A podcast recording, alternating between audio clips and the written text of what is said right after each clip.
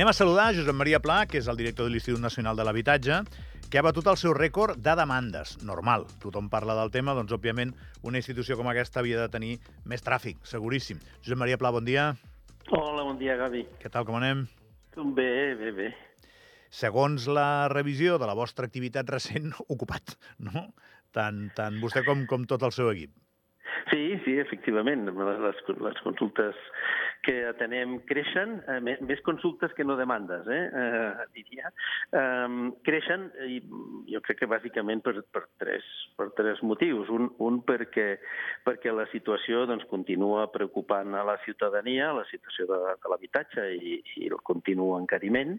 Eh, dos, perquè perquè segurament se'ns coneix més com, com l'ens que dona resposta a, a les demandes d'informació i, i tres, perquè, perquè es reconeix la qualitat del nostre, de, de la nostra aportació, jo crec bàsicament veient no només el creixement, sinó també qui ens fa demandes. I el que veiem és que ens creixen les, les sol·licituds, les, les consultes, tant de, de persones llogateres com propietàries, com també, i són les que més creixen en proporció, de professionals del sector.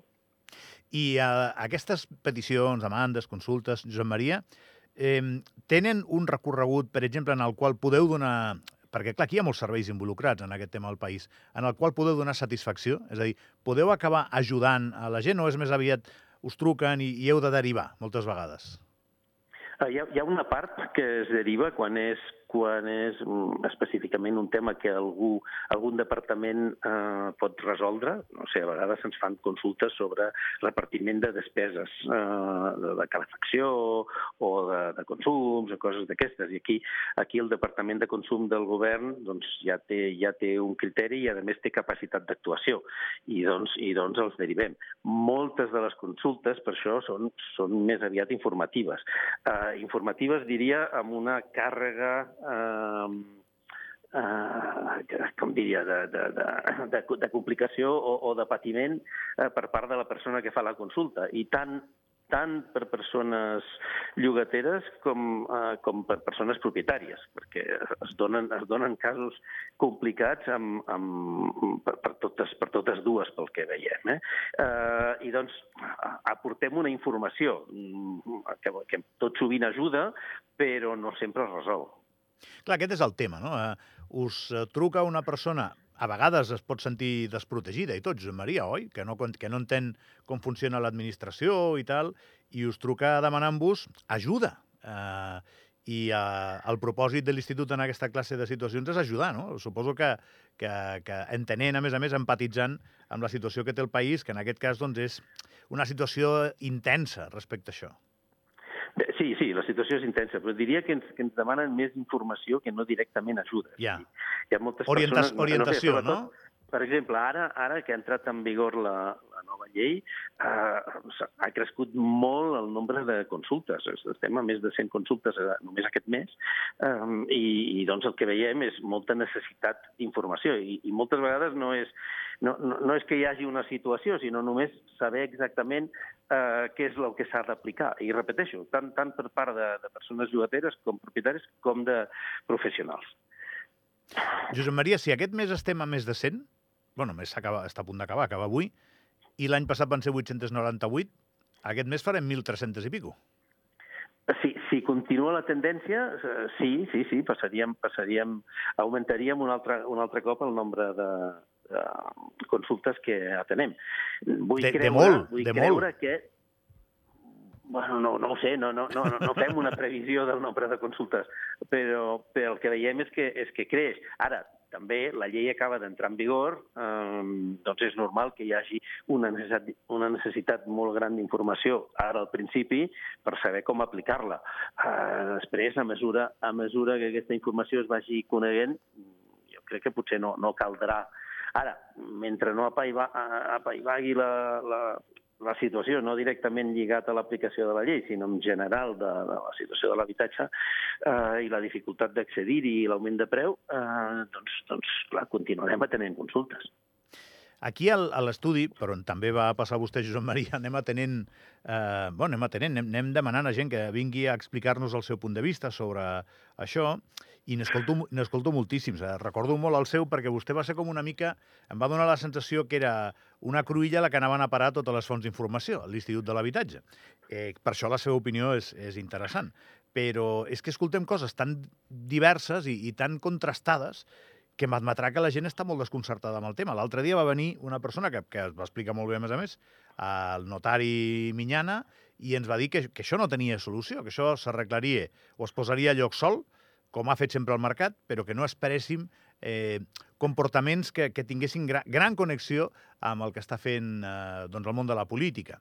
Ho compra, Josep Maria? No, no. vale. És a dir, tinc molt respecte per uh, les opinions del senyor Minyana, però, però crec que sí que es poden fer actuacions. És a dir, ja vam parlar l'altra vegada de, de quines són les causes i, i no ho repetiré, però ho bàsicament el creixement, el creixement econòmic ens porta a aquesta situació i l'influx de, de persones noves que venen eh, i també de diner eh, eh, de fora que ve a invertir aquí. No? I tot, tot això fa que doncs, aquesta desconnexió entre el, el preu de, de l'habitatge, tant de lloguer i de compra, com eh, comparat amb els, els lloguers, que, amb els salaris eh, que hi ha el país. No? I aquesta bretxa va creixent i doncs, i doncs les persones veuen que eh, cada vegada l'habitatge es fa més inaccessible. Aleshores, enfront, enfront d'això es poden fer coses? Sí. Um, el govern ja fa uns anys que ha intentat aplicar unes, unes pròrrogues per, entre cometes, pacificar el mercat. Aquestes pròrrogues tenen, tenen un efecte negatiu molt important, que és que maten la demanda, l'oferta. És a dir, eh, que no hi ha més habitatge de lloguer que arribi al mercat. No a curt termini, no, Josep Maria? Els projectes no, no, perquè no hi ha previsió tampoc. Els projectes nous d'habitatge de, de lloguer al mercat eh, no n'hi ha. No? O si n'hi ha, és, és molt petit. I aleshores aquí la, la, la, els propietaris expliquen que que en aquesta situació amb la qual no se sap a quan podran llogar, no se sap si podran recuperar la inversió que han fet, eh, no se sap mm, quines seran les condicions de mercat que s'aplicaran via regulació, doncs mm, prefereixen ser prudents i esperar. I aleshores això crea una situació extremadament incòmoda, tant per les persones que lloguen els habitatges, que bàsicament amb la situació del mercat avui no poden deixar l'habitatge, el, el mercat està bloquejat perquè mm, si una persona es planteja marxar o està obligada a, a marxar per, per, per algun motiu, eh, sap que allà on vagi serà més car, més petit i pitjor situat. I doncs, clar, tothom que pot es queda allà on està. I, per altra banda, doncs, les persones propietàries no tenen garantia que el lloguer que cobren pugui, pugui cobrir les despeses de funcionament, el manteniment i l'amortització de la inversió que han fet. No? Eh, I doncs, doncs això genera que, que no vingui més, més oferta al mercat. I això és, és dramàtic, perquè el que necessitem és que hi hagi més oferta, perquè el que sí hi ha és Exacte. creixement de la demanda. No, no, exacte. Aquest és el, aquest és el tema. Si no hi ha més pisos per llogar... Es pot fer alguna cosa? Sí.